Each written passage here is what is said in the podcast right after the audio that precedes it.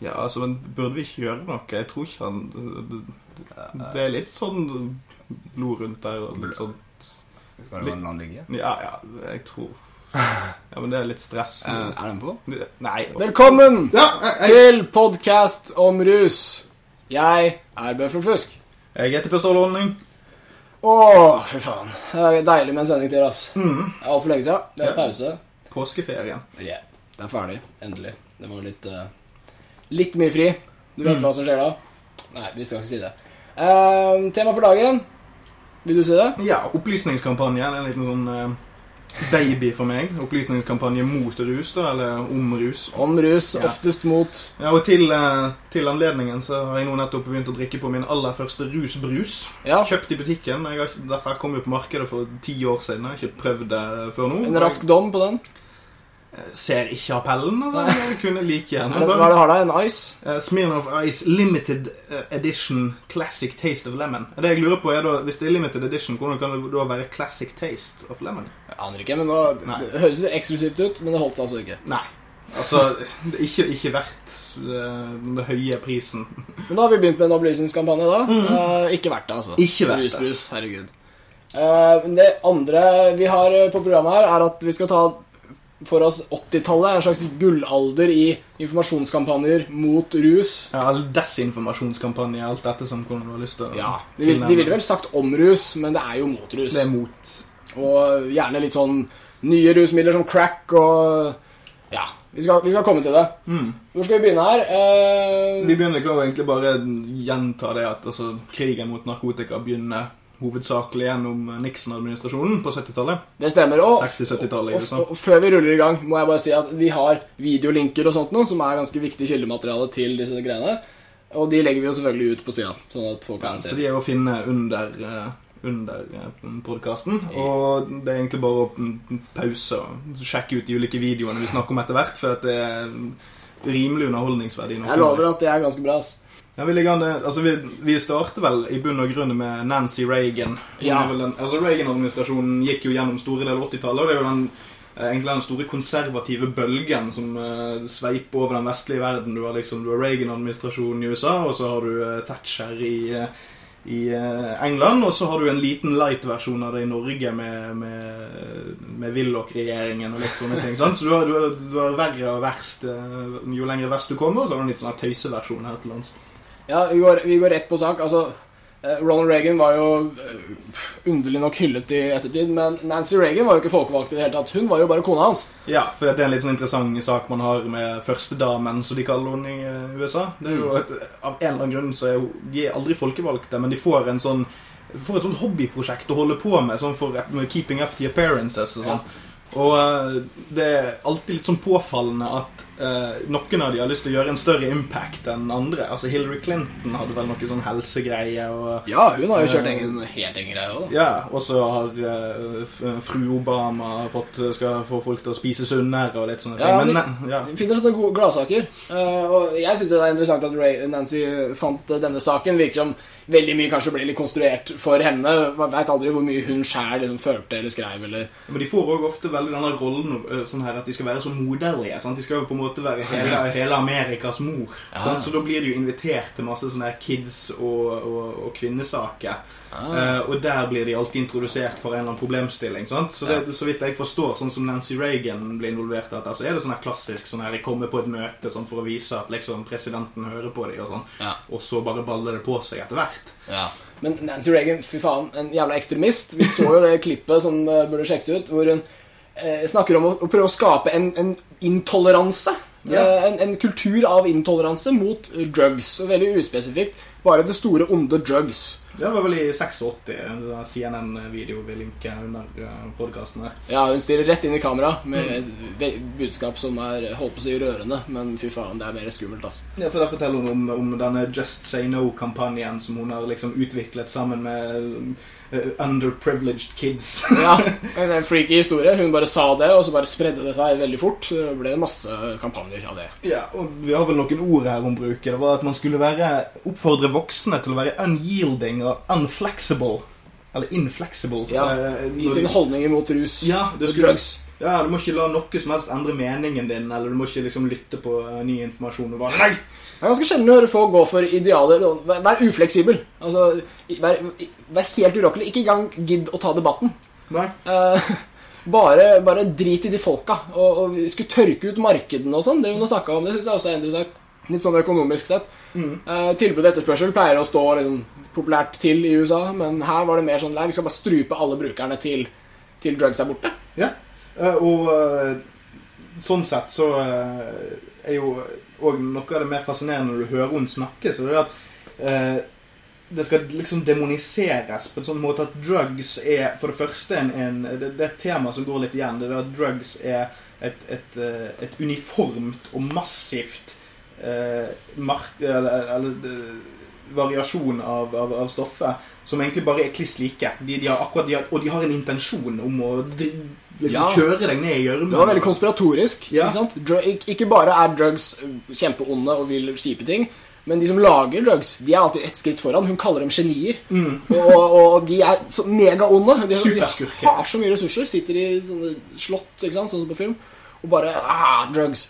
Og det er veldig konspiratorisk. Det er ganske funny. Eh, og alle som kjøper drugs, er jo med på denne onde planen. ikke sant? Eh, og, hun avslutter jo hele denne briljante seansen med å fortelle historien om en eller annen Nå husker jeg ikke hvilken av dem, men en dopbrukerdame eh, full av drugs. Hun hadde da slutta, og hadde da gått fra å se ting i svart-hvitt Dette er bare en metafor som har gått crazy for Nancy Reagan. Fra å se ting i svart-hvitt hadde hun begynt å se farger. Fordi hun hadde slutta med dop. Så der ser du. Inspirerende historie. Eh, slutt med dop, se farger. Ofte fins det rusmidler som kan gjøre at farger blir enda mer intense, faktisk. Ja, så det, hører, det, høres Så det er jo- det høres jo mer ut som om det er noen som har prøvd å liksom si at ja, men livet mitt var ikke så godt, Ja, og, og nå blir livet mitt bedre. Nå ser jeg fargene igjen, liksom, og liksom, jeg kan sette pris på det og bare leve. Og det, og det er jo ikke noe man skal liksom feie under teppet. Men, men takket være dårlig storytelling så ble det her en veldig bokstavelig medisinsk historie om at uh, endelig Det er som å få farge-TV, på en måte, når du slutter med drugs. Det er jævlig dyrt med farge-TV, da. Det var det før i tiden, i hvert fall. Ja, men, men det er jo også noe som Nancy Reagans generasjon husker, da de fikk farge-TV. Så dette er noe som Å, husker du det? Sånn er det å slutte med drugs. Ja, Nancy Reagan var jo 80 år når de fikk farge-TV. Ja, men det var fortsatt stort. Men eh, så er det jo også litt sånn viktig å bare reinstate en gang for alle at vi sier jo ikke at uh, drugs er for kids. Mm. Eh, vi er jo 100 for å la barn være barn, og la dette være noe som voksne mennesker kan avgjøre for seg sjøl. Så det er jo ikke noe som helst argument her for det. Det vi driver og snakker om nå, egentlig bare hvor eh, feilkalkulerte disse kampanjene har vært, og hvor dårlig informasjon de har gitt. Mm. Eh, ikke nødvendigvis det at man ikke bør finne på måte å sørge for at unge får lov til å være unge.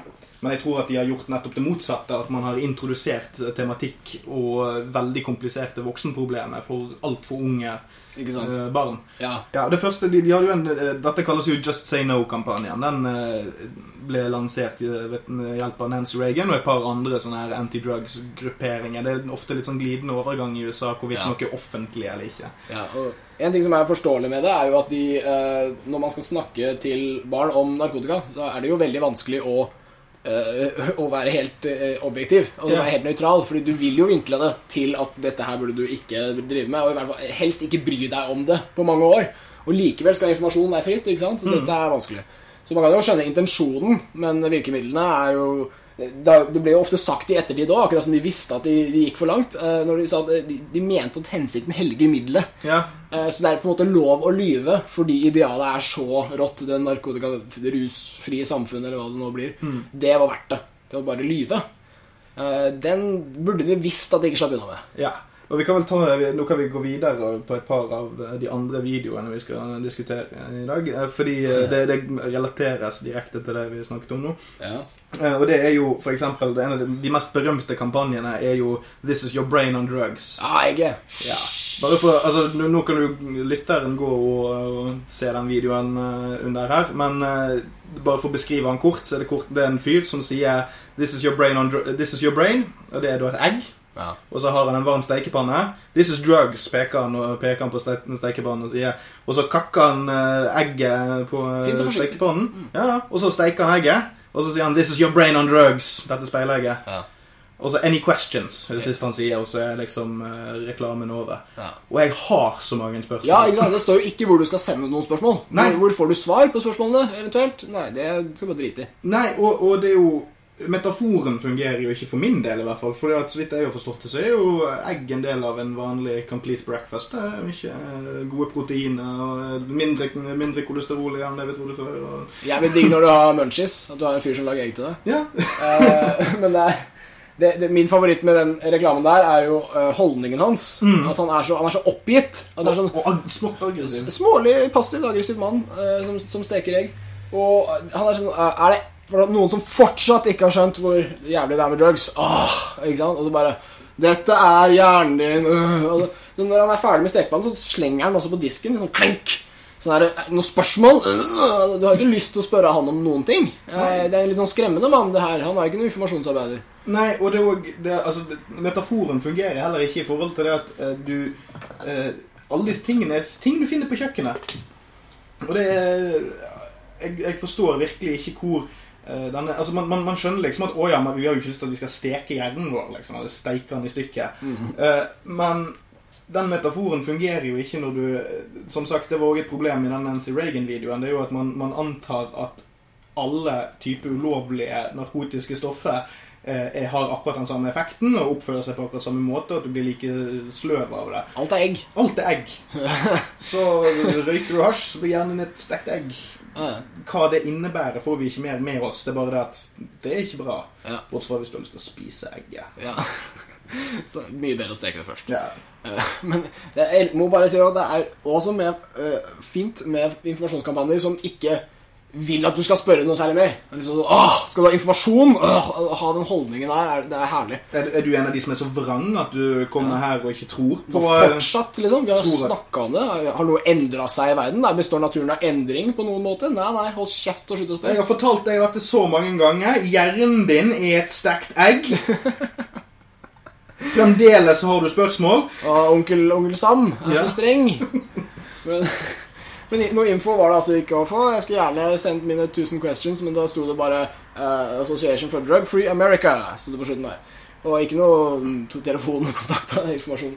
Ja, og denne videoen her og jo en famøs oppfølger som er mer- mer sånn konkret på heroin.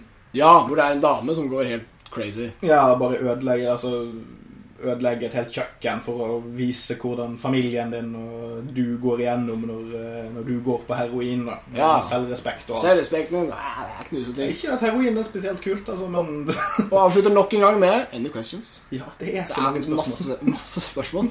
Men, og da er det jo informasjonskampanjen gått litt dårlig. Mm. Når du sitter igjen med utrolig mange spørsmål etter å ha sett en reklame. Det, det var, ofte skal de jo besvare. Jeg føler Informasjonskampanjer Jeg ofte tenker på sånn koselige sånn der, eh, Foreningen for døve altså Sånne ting. Ja, Det, der er det jo alltid nok info. Mange er døve, de trenger hjelp. Meld deg inn. Ikke sant? Altså, men her får du jo ingenting. Her får du bare masse metaforer. og det er det som er problemet med en reklame, eller, eller reklameformatet, for disse er veldig, veldig korte. Det er jo bare standard TV. Det ble vel vist liksom under barne-TV, eller hva enn det var for noe eh, i USA. Men problemet er jo at det der funker ganske greit hvis du skal liksom selge cola.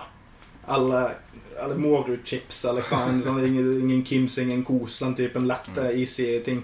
Men med veldig komplekse samfunns samfunnsproblemet som uh, narkotikapolitikk er, så hjelper det ikke med en 15 sekunders jingle, og så uh, har du liksom løst problemet. Det, jo, det blir jo altfor enkelt. Og det er jo det som da blir problemet når da ungene går ut etterpå og faktisk nå vet hva heroin er, Ja, og så ute i et uregulert marked, fritt marked, eh, kan oppsøke dette. Men, eh, ja for det er også en greie. Altså Introduksjonen eh, som de åpenbart er keen på. å ja, introduksjonen av begrepet. Ja, de snakker jo ofte om liksom, hva, hva det er, og viser dem hvordan det lukter. og liksom, sånne ting. Og unge interesserte hjerner, det, det kan ha en viss effekt. Mm. Absolutt.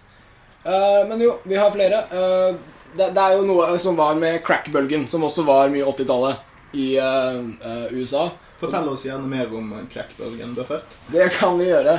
Altså Disse reklamene vi skal snakke om etterpå, er uh, med Pee Wee Herman og Clint Eastwood. Men de, de dukker jo opp som en konsekvens av uh, at uh, crack har blitt introdusert i markedet etter at kokainbølgen liksom kom inn over Miami i, på starten av 80-tallet. Så kom cracken, som var mer sånn fattigmannskokainet. Som kokte det ned med bakepulver og plutselig liksom kunne røyke mye mindre doseringer og bli kjemperusa. Ja, for det som er litt interessant med crack, er jo at det er like potent og billigere. Ja, og det røykes. Og, og det er, det er nok ikke noe å anbefale, selv om jeg vet at det har vært brukt i Norge, så er det ikke noe særlig tradisjoner for det. Uh, det er eh, en, en litt sånn trist greie, syns jeg, fordi de som bruker det, de, de blir veldig veldig høye første gang de gjør det, og så fortsetter de å jage den opplevelsen etterpå. Og det er jo en, en jakt de aldri kommer til å vinne, så drit i det, kjære lytter, ikke prøv crack. herregud. Chasing the Dragon, som uh, er så fint. Ikke sant? Og get your bell rung, som de sier i USA. Du hører visstnok en bjelle som ringer første gang, da. Og det vil de da ha igjen. Herregud, altså. Hold deg unna, kjære lytter. Eh, ja, men da um... Fordi begrensningen på kokain er i hvert fall det at det er ganske dyrt. Ja, det vil alltid være en sånn elitegreie rundt kokain, og det vokser bare én sted på kloden og, og sånne ting. Men uh, når det kommer til crack, så var det jo en sak med en som heter Freeway Ricky Ross, som ble jeg lurt av CIA. Altså Det er mye forenklinger av den historien, men han kjøpte kokain og lagde crack. Og, og kokainen han kjøpte, var av en eh, colombianer som da kjøpte av eh, CIA. Altså Den kokainen han kjøpte, var flydd inn med CIA-fly i det som nå heter Iran-Kontrast-skandalen, med Ja. Oliver North og andre aktører. Tale, for another day, hele den clusterfucken der. Det Ja. må vi bare minne oss sjøl på. Ricky Ross var en uh, getto-gründer som da åpna masse hus som solgte crack og, og bidro til å spre den bølgen. Og siden det lakk ut at CIA hadde flydd inn kokainet cracket var lagd av, så kom jo selvfølgelig også de forenklede ryktene om at CIA plantet crack i de svarte communities for å svekke dem.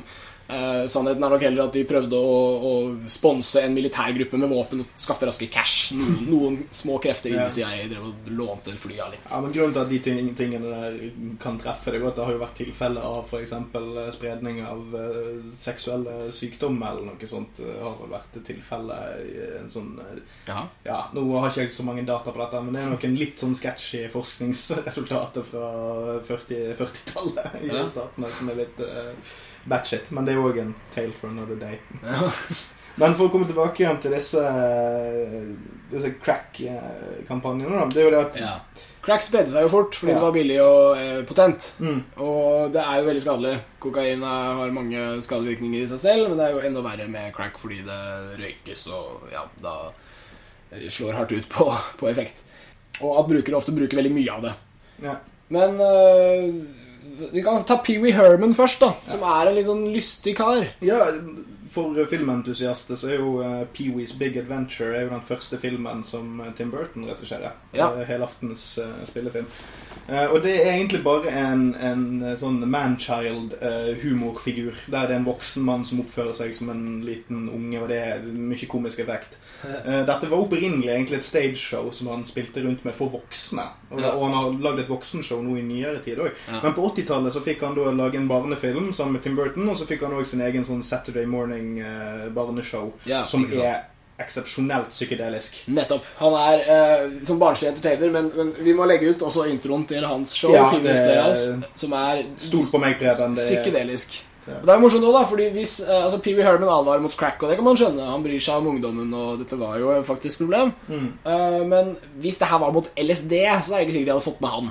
Altså, sånne, sånne tanker er jo helt naturlig når du ser fargene og lekenheten og hva skal jeg si Ja, altså alt, alt i huset til Pee Wee Herman i den TV-serien er levende. Altså Stolen og gulvet og taket oh. og vinduene og uh, absolutt alt kan snakke. Parallell, ass. Eh, Albert Hoffmann, som lagde LSD, som den første LSD-turen, som er beskrevet i hans bok My Problem Child, der beskriver han stolen sin som snakkende.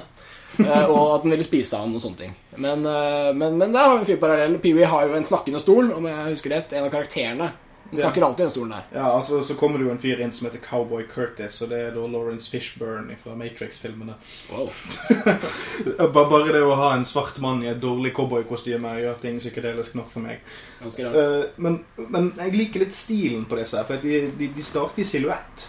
Eh, vi snakker nå om to konkrete videoer. De er veldig korte, og de er, de er helt likt format på begge Legges to. ut. Ja, de legges ut under, som sagt. Eh, men der er det sånn at eh, den ene er med Pee Wee Herman, som er bare en karakter. Han heter egentlig Paul Rubens eller noe sånt. Uh, og så den andre med Clint Eastwood. Uh, og det interessante er at Begge to begynner med at, at, at man bare slår på masse studiolys, og så er det et kamera som vises, som zoomes inn mot en silhuett, og så slås lyset på enda mer, og så ser du at det er Pee Wee Herman eller Clint Eastwood sitter der. Sitter der. Eh, og det jeg reagerer på automatisk, er det at her har du to videoer som er helt likt bygd opp, men de refererer seg til to forskjellige segmenter av befolkningen. Helt. Ja, ja. var Pee Wee Herman, som er in character med eh, å, å snakke til ungene om at eh, 'this is crack', og det er ikke noe bra. Målgruppe ungdom. én gang er nok til å drepe, kan være nok til å drepe deg, for vi vet ikke hvor, hvordan man skal dosere. De begynner å snakke om dosering og sånn. Ja, det, det må jeg si. Ja. Og den andre er jo da Clint Eastwood, som egentlig ikke Clint Eastwood. Han kunne like gjerne bare kalt seg Dirty Harry, for han er in character som Dirty Harry. Mm. Og han henvender seg igjen til liksom de som er over 20. Fordi at om det er én ting vi har lært fra Dirty Harry-filmene, så er det at du gjør som Dirty Harry sier, eller så får du deg en kule midt i fjeset. Most powerful handgun in the world. sant? Blam. Ja, for faen. Det var en konservativ, våt drøm, den fyren der. Ja, det er jo fint å få råd om rus av trygge, stabile folk som Ja. vil ditt beste. Men det, det har litt med autoritetsfigurene ut ifra hvem. sant? Altså, du, du er en liten kid, og du Ok, men hvis Pee Wee Herman har sagt at jeg ikke skal ta crack Men jeg vil tro at, eh, at, eh, at liksom demografien som Pee Wee Herman eh, vender seg mot, kanskje ikke visste hva crack var. Jeg, jeg lurer på om det var alle, om de da følte at de hadde dekka hele spekteret. Det er veldig forskjellig approach på de to. ikke sant? Så Mm. kanskje de da har eh, alle. Altså, Clinton tar de fleste, kanskje Pee-wee kan ta liksom, damer og unge, og så har du på en måte hele fløya. Ja, Det kan hende at det er flere av de der som jeg bare ikke har hørt mulig om, men- men det- det- Mr. T hadde en. Altså, jeg vet at det var noen. Ja. Ja, Når du først har tatt opp Mr. T, så må jeg jo bare nevne at det fins et bilde av han så utkledd som julenisse på besøk i Det hvite hus med Nancy Reagan på fanget. Oh, shit. Ja, Der ser vi båndene som ligger bak. ikke Ja, sant? ja, ja, her, ja, og konspirasjon, altså. Sirener her. De, nå kommer de. Ja, Nå kommer de for å buste oss. Kommer, Piratradio-talkshow. kommer for å lage kvalm. ja, faen. Nei, men eh, altså, Hvis vi skal oppsummere Mr. T's uh, Just Say No, så var, jo- eller hva det nå var, så var jo det I pay the fool. Altså, ferdig snakka. Det er jo ikke så mange knapper han har å spille på. Ja, Han lagde vel noe sånne sånn musikkalbum han og på 80-tallet, Mr. T. Altså der, der var han sånn Treat Your Mama Right og Ja, ja. eh, Ja, fin Vær snill mot uh, Fin låt. Ja, og så og sånn ikke Don't Do Drugs, Fool, den typen ting. Ja, men karakteren er liksom har ikke så mye bredde, ass. Nei, nei, Og så, så gikk han på WrestleMania med Hulk Hogan. liksom. Banke opp folk i primetime, det er jo greit. Bare ikke Don't Do Drugs. Det... Er ganske morsom Twitter. Er Twitter er fint format for uh, Mr. T. Mm. Kort og, og aggressiv, selvfølgelig. Mm. Vi, ja, og vi må også ta altså eh, den kanskje aller gærneste Ja, tidenes Tidenes eh, drug eh, PSA. Ja, ok. Eh, har du lyst til å ta dette uh, Jeg, først, eller skal jeg det er ikke jeg som kan mest om det, så jeg kan introdusere Cartoon Allstars to the Rescue. Mm. Som er eh, Den varer vel i noe sånt som eh, en halvtimes tid. Og der har du utrolig mange forskjellige tegneseriefigurer som stiller opp for å lære en ung person eh, og flere om eh, at narkotika er veldig fryktelig. Ja. Og dette er ganske sjeldent, fordi at eh, eh, Dette er jo grunnen til at for eksempel, du, du får aldri se snurre Du får sjelden se Snurre Sprett og, og Donald Duck i en tegnefilm sammen, fordi at det er to forskjellige selskaper som eier, Ja. eh, eier eh, rettighetene til disse figurene. Men siden dette her var et, eh, et liksom et uh, charity-situasjon, da altså sånn, la, la oss lære kidsa at altså, man ikke skal ta drugs, ja. uh, så lot liksom eh, Altså, jeg skal bare liste opp etter hukommelsen min hvilke tegneseriefigurer som dukker opp i denne halvtime lange tegnefilmen. Og det er da Snurre Sprett, eh, romvesenet Alf, eh, Pusur, eller Garfield som han heter, Smurfene, Ole Brumm, Muppet Babies, altså som er en sånn tegnefilmserie der muppetene er babyer, av en eller annen merkelig grunn. Ja, Ninja Turtles, som sagt. Eh, Slimer fra Ghostbusters. Eh, og, og Ole Dolo Doffen fra Ducktales dukker òg opp. Det er faen en bra miks. Og Alle er der, føler jeg. absolutt fuckings alle. Og det er Crazy Town Banana Pants er vel egentlig det eneste oppsummerende begrepet jeg kan ha for hele denne storyen. Men da plottet ellers da, at det er jo en ung eh, gutt da, som har et eh, nært forhold til sin lillesøster, Mm, og så prøver han eh, det fryktelige stoffet marihuana, mm. som de også finner, og snakker mye om, disse tegneseriefigurene. De er det begynner sånn- weed. Det begynner litt sånn in medias res. Han har hatt et sånn her uh, hasjproblem en stund. Mm. Og det begynner vel med at han faktisk stjeler liksom eh, eh, pengene fra sparegrisen til lillesøsteren sin. Ja. Og så, og så våkner alle lekene hennes til live og liksom skal da hjelpe han med å komme seg ut av uh, drug-problemet sitt. da. Ja. Alf er veldig kul, og Ja, De, de skal liksom redde, redde den. Ja, men det er jo De har jo sine egne problemer, mange av disse tegnefilmfigurene. altså, for, ta, ta for eksempel Alf. Eh, Nå er sikkert lytteren vår Preben for ung til å huske dette her, men Nei. Alf var jo en, en dukkefigur som et romvesen som eh, bodde hjemme hos en middelklassefamilie, og stort sett bare var oppsatt på å spise katten deres. Mm. Det var der humoren kom fra. Og så har du jo Garfield, som er veldig glad i å spise og sove. Og, Nei, Enten er han stoner, eller så har han ME, eller noe sånt. For han er bare sløv og mat, mat øh, og bidrar ikke med noe. Smurfene bor i sopp.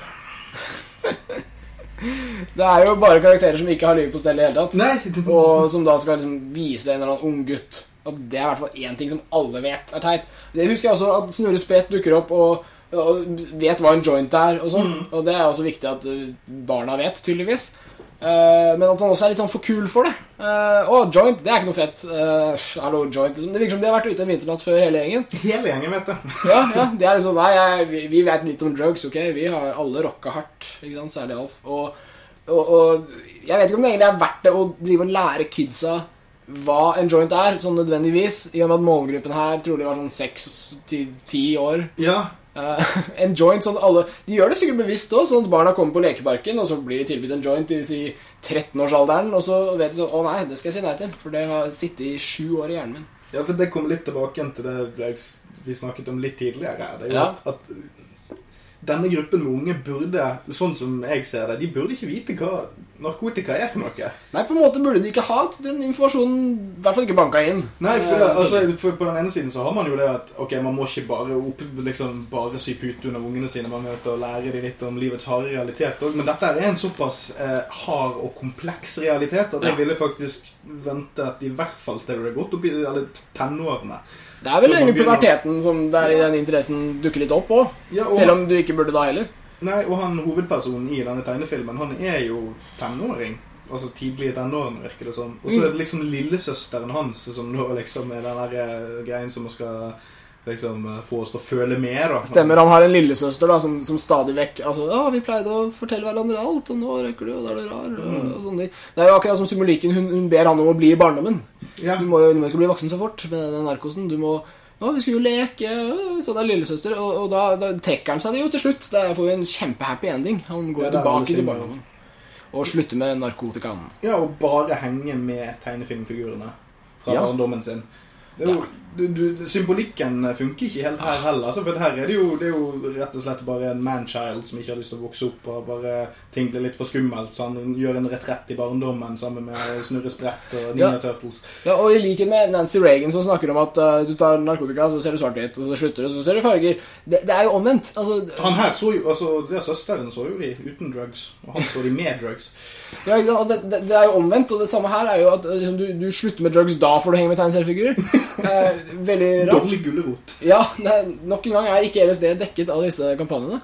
Jeg, eh, Dave Chappelle er det, som har en sånn karakter på The Chappelle Show, en klassiker nå, som eh, I hvert fall sånn crack-hode, husker ikke hva han heter, men han har en eller annen sånn hvor han skal snakke til en skoleklasse om narkotika. Og da så begynner han å snakke om LSD, og han tok det, og så kom alle mine favoritt-tegneseriefigurer og hang med meg på rommet. Og det er sånn, det er kanskje det aller verste du kan si til barn, og de sitter jo som tente lys, og å, det skal jeg i hvert fall prøve, ikke sant. Og det, den i sammenheng med Cartoon Allstars er litt bra. Uh, fordi hva hvis alt bare var en, uh, syretripp, kanskje? Altså, Ja. Hva hvis han rett og slett drømt, tok LSD og drømte at han hadde begynt med weed, som er mye farligere? Uh, kanskje. Ja, og det glemte vi jo å si, men innledning Den her eh, Jeg har lest at dette var en ganske big event. På det, jeg tror det gikk sånn på morgenen i USA, liksom sånn typisk prime time for kids. Mm. Og eh, introen var jo med, uh, med, med George og Barbara Bush, altså uh, daværende president og presidentfrue. Bare sånn for å fortsette og i denne tradisjonen med at uh, presidenten skal bry seg så jævlig om at kidsa må holde seg unna drugs. Ja. Men, men det de ender opp med, er jo bare å lære de opp Ja. hva slags type drugs som fins, og hva de heter, og hvordan du kan finne de. Det bare viser litt hvor insane det er når du får så mange tegnefilmfigurer i samme film, og samtidig er det presidenten som introduserer det. Liksom, du, det blir jo en helt annen form for inntrykk disse ungene ja her får. imperiet. Ja, Ja, ja. Og det, men, men en annen ting er jo hvor bra det funka. Bare se på hvem som ble president etterpå. Eh, fordi George Bush eh, jr. Han mm. snorta jo coke og kjørte på fylla og den dritten der. Og Bill Clinton han inhalerte jo ikke, for han kan jo bare ljuge til hvem faen som helst, og alle elsker han likevel. Ja. Eh, Men det var i hvert fall weed i hendene hans, da, så det, han ble president likevel. Og Obama, som har sånn breia liksom sånn 'Å, jeg røyka weed og inhalerte, det var poenget'.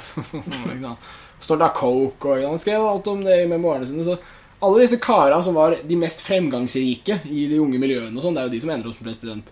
De som skal ikke si smiske, men jobber seg opp inn i systemet. Eh, og de blir introdusert for drugs. Det er helt åpenbart at drugs bare alltid er der.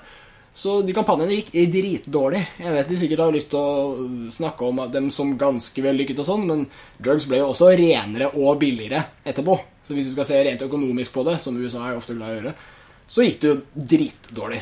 Ja, og det er jo òg Jeg lurer på om det var Willy Pedersen som dro det frem som et eh, eksempel. Det er at eh, vår forhenværende statsminister Jens Stoltenberg har jo òg innrømmet å ha prøvd hasj, Ja. har han vel sagt.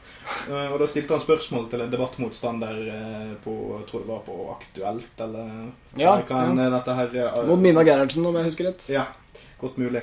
Eh, om Altså, Forutsatt at, at, eh, at Stoltenberg hadde blitt tatt for dette, her, så hadde jo da, vi da mistet en av liksom nå ikke det nødvendigvis noe jeg personlig mener, men det er mange som mener at Stoltenberg har vært en eh, stor og sterk leder som liksom har gjort mye godt for landet vårt de siste åtte årene. Nato, mener du? Ja, ja, nye Nato-lederen, liksom. Eh, og Da hadde vi mistet et stort politisk talent. Og det er akkurat det samme kan sies om Barack Obama. Hadde han blitt bustet for eh, all den hasjrøykingen sin på college, så hadde han ikke vært president i dag. Mm. Eh, så vidt jeg vet, så tror jeg det samme kan gjelde til en viss grad for, uh, for George Bush uh, junior. Ja, absolutt. Men, uh, men vi kaster jo ut politikere fra Stortinget for å røyke cannabis, f.eks. Det har jo skjedd nylig. Ja, så, så det er jo litt interessant hvordan man har statsmakten på sin side sier 'don't do drugs', mens han, når da George Bush senior sitter der og sier vi, 'her er det en fin tegnefilm vi har laget til dere for oss, som viser dere at dere kan ikke bli noe bra med å- at dere driver med drugs'. Og så ti år seinere så sitter sønnen hans, cokeheaden over alle cokeheader, på- i det ovale kontor. Og det er bare sånn, jeg... så- og så ta- sønnen hans tar drugs og blir president. Ja. Altså, det, det gikk jo veldig mot budskapet. Ja, jeg, jeg, jeg syns liksom livet klarer å skape bedre metaforer enn disse anti-drug-filmene. altså. Ja, det er jævlig bra. Det tyder på at altså et problem de alltid vil ha, er jo at uh, narkotika på en måte finnes i de fattiges kretser, og de vil alltid fokusere på sosial problematikk og sånt, men narkotika finnes også i de suksessrike kretser.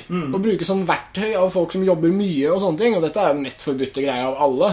Sant? Det er jo de som stort sett ikke blir sjekka av politiet og sånn. Fattige folk får sjekk hele tida. Og det, dette er den ufortalte siden av det, at drugs også brukes til noe positivt. Ja, det, det vi stort sett ser i disse filmene, her er hvit middelklasse eller lavere. Altså hvit under middelklasse, og så heller arbeiderklasse og scum of the earth, stort sett. Det, det, det, det er veldig få uh, presidentsønner og den typen ting som står der og steiker disse veggene. Ja. Det er sånn white collar, eh, blue collar eh, worker-greie. Ikke sant? Men det kan jo, jeg vet ikke om Stoltenberg på en måte Hvis han ble busta for å røyke hasj på, på Utøya, eller hvor det var han gjorde det, så, så vet jeg ikke om han hadde mista sjansen til å bli statsminister likevel. Men det, det skinner jo veldig gjennom at budskapet er, ikke er Hold deg unna joints. Du kan, du kan godt røyke joints, men ikke bli tatt. For guds skyld, ikke bli tatt. Ja, ja, ja, det var litt det jeg prøvde å velge det Pedersen kanskje var inne på. Altså, eller, Ja. Det er jo hvordan vi- Vilkårlig. Ja, for at, altså, ressurssterke mennesker slipper unna med mer ting. Altså, Nå snakker jeg ressurser både intellektuelt og økonomisk. Ja. Sant? Altså, har du, er du smart, har du smarte foreldre og har du mye penger, så slipper du unna med all den crappen som veldig veldig fattige folk blir bustet for hele tiden, for de har ikke nok ressurser til å Ja. Jobb, slippe unna det. Det- Og de er mye mer i politiet sitt søkelys i utgangspunktet. Ja, det er sant. Og det hjelper bare å bare ha snakketøy i orden, må jeg si. Det er en Mm. annen sånn ressurs, på en måte. Altså Hvis du kommer inn og ikke kan snakke noe for deg, og er helt uh, dårlig på språk, så, så vil du ofte få dårligere behandling. Fordi de regner, ser deg som arrogant eller, eller noe sånt. Men med en gang du åpner snakketøyet og kan det, så er det tegn på dannelse eller som et eller annet som får dem til å backe unna. Det systemet er gang på gang veldig kynisk mot ressurssvake på en måte alle arenaer. Ja, fordi at altså, Kan du rettigheten din, er det mye lettere å holde kjeft hvis Akkurat. politiet anholder deg. ikke sant? For ikke å si om du har en hær av advokater som bare står på standby med en liste over eh, medisinske krav for hvorfor du ikke kan stå, ligge på glattcelle, f.eks. Mm. Da er det smooth, vet du. Da slipper du den jævla torturen som alle andre får hvis de blir taua inn. Ah. Rant. Ja, men der, eh, der kom vi jo òg litt grann tilbake på eh, hvordan Jeg hadde et poeng litt tidligere her om hvordan disse her opplysningskampanjene eh, har et sånt re- reklamelengde. Eller det, det, det, de bruker et format som er veldig lett tilgjengelig. eh, som du bare skal se og konsumere, og så skal du få et par talking points i hodet, og så er det Mm. ferdig. Men bare den lille diskusjonen vi har der nå, belyser jo at dette er eksepsjonelt komplekse samfunnsproblemer som relaterer seg til lovverket vårt.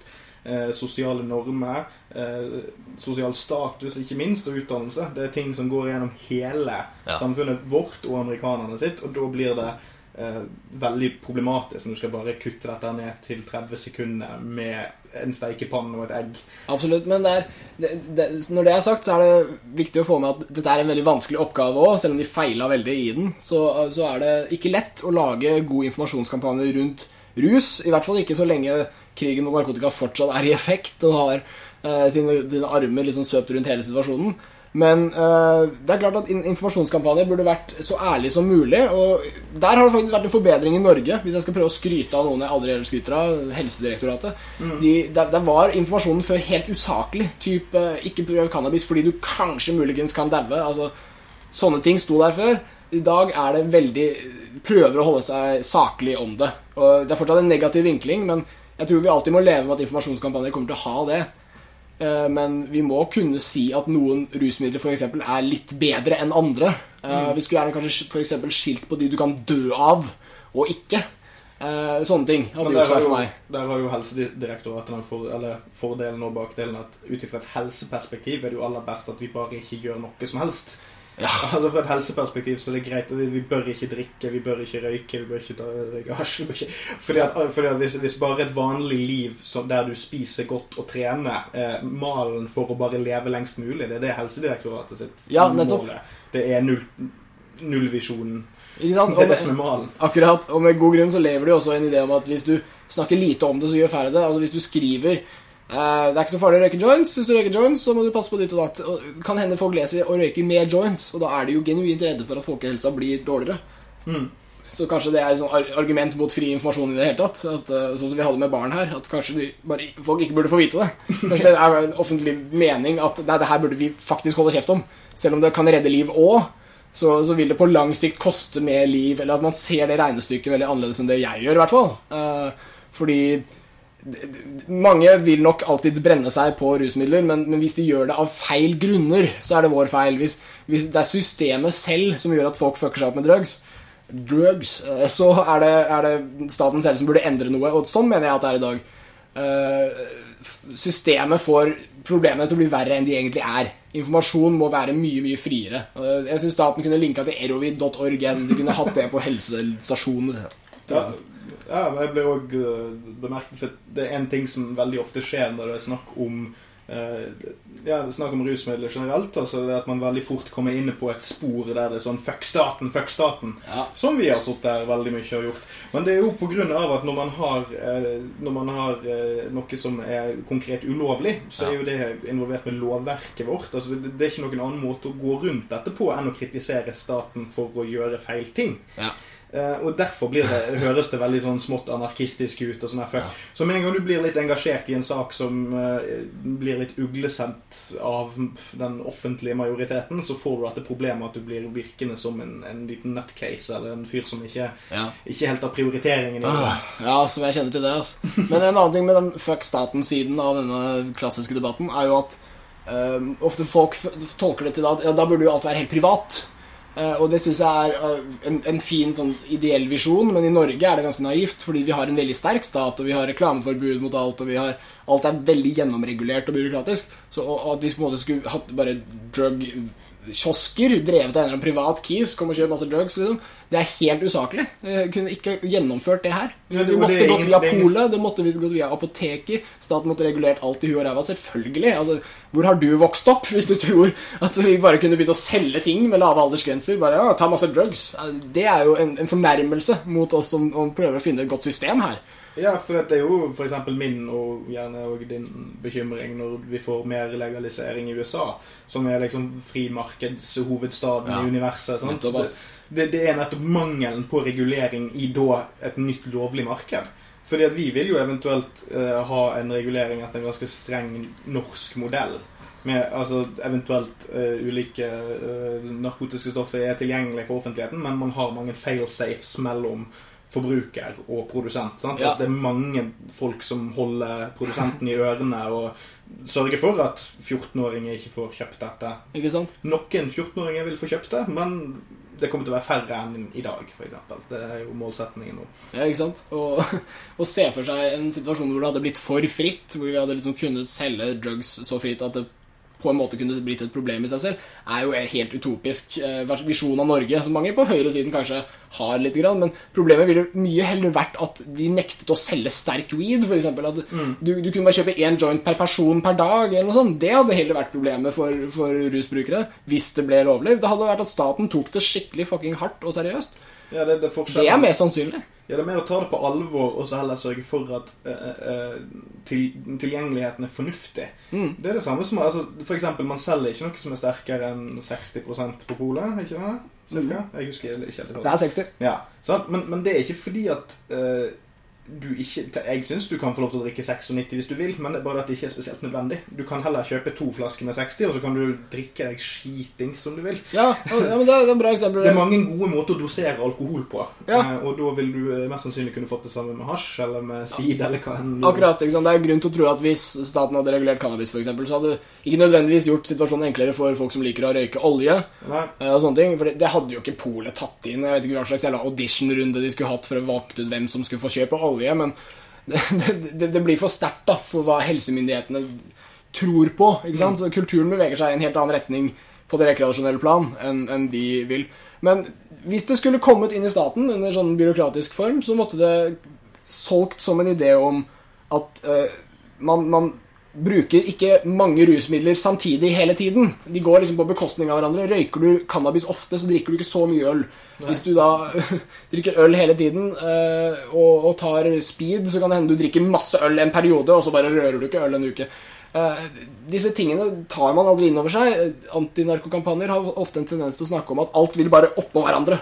Du vil bare bruke alle rusmidler samtidig, så folk vil da slutte på jobbene sine, for de har ikke mer tid til å jobbe, for de må bruke narko hele døgnet. Og jeg tror ikke det er måten det ville gått. Nei. Jeg tror de ofte utkonkurrerer hverandre. Og hvis, hvis staten kunne sett det som noe for folkehelsa, at å variere hvilket rusmiddel man bruker, kan gi bedre helse for individer, så hadde det hatt veldig god konsekvens på lang sikt. Ja, så Problematisk er at den offentlige innstillingen ofte ser ut til å være forenklet, fordummende og lite eh, brukbar for folk flest. Det blir, det, blir rett og slett for, for mye og for lite. Ja, ikke sant? Og hvis jeg skal være anekdotisk, så er Jeg vet om karer som drakk veldig mye øl, og så begynte de å røyke cannabis, og så fant de ut at sammen så blir det ofte litt sånn krasj. Og nå har de dager hvor de porsjonerer det utover i uka, og så da har de endt opp med å drikke mindre øl, så de har bedre levere, og så røyker de cannabis iblant, så de blir ikke helt opp på det heller. Og det, dette er jo ikke dårlig. Uh, vi har jo rus, Hvis vi først har anerkjent at vi har rusbehov, så kan vi godt bruke noe som er mindre farlig enn sprit, for eksempel. Og det er ganske mange ting. Det er noe staten heller ikke eh, snakker så mye om. At veldig mange ting er mindre farlig enn sprit. Faktisk eh, en hel del. For eksempel. 60 Uff. Mange går da grunn med litt svake levere i landet her.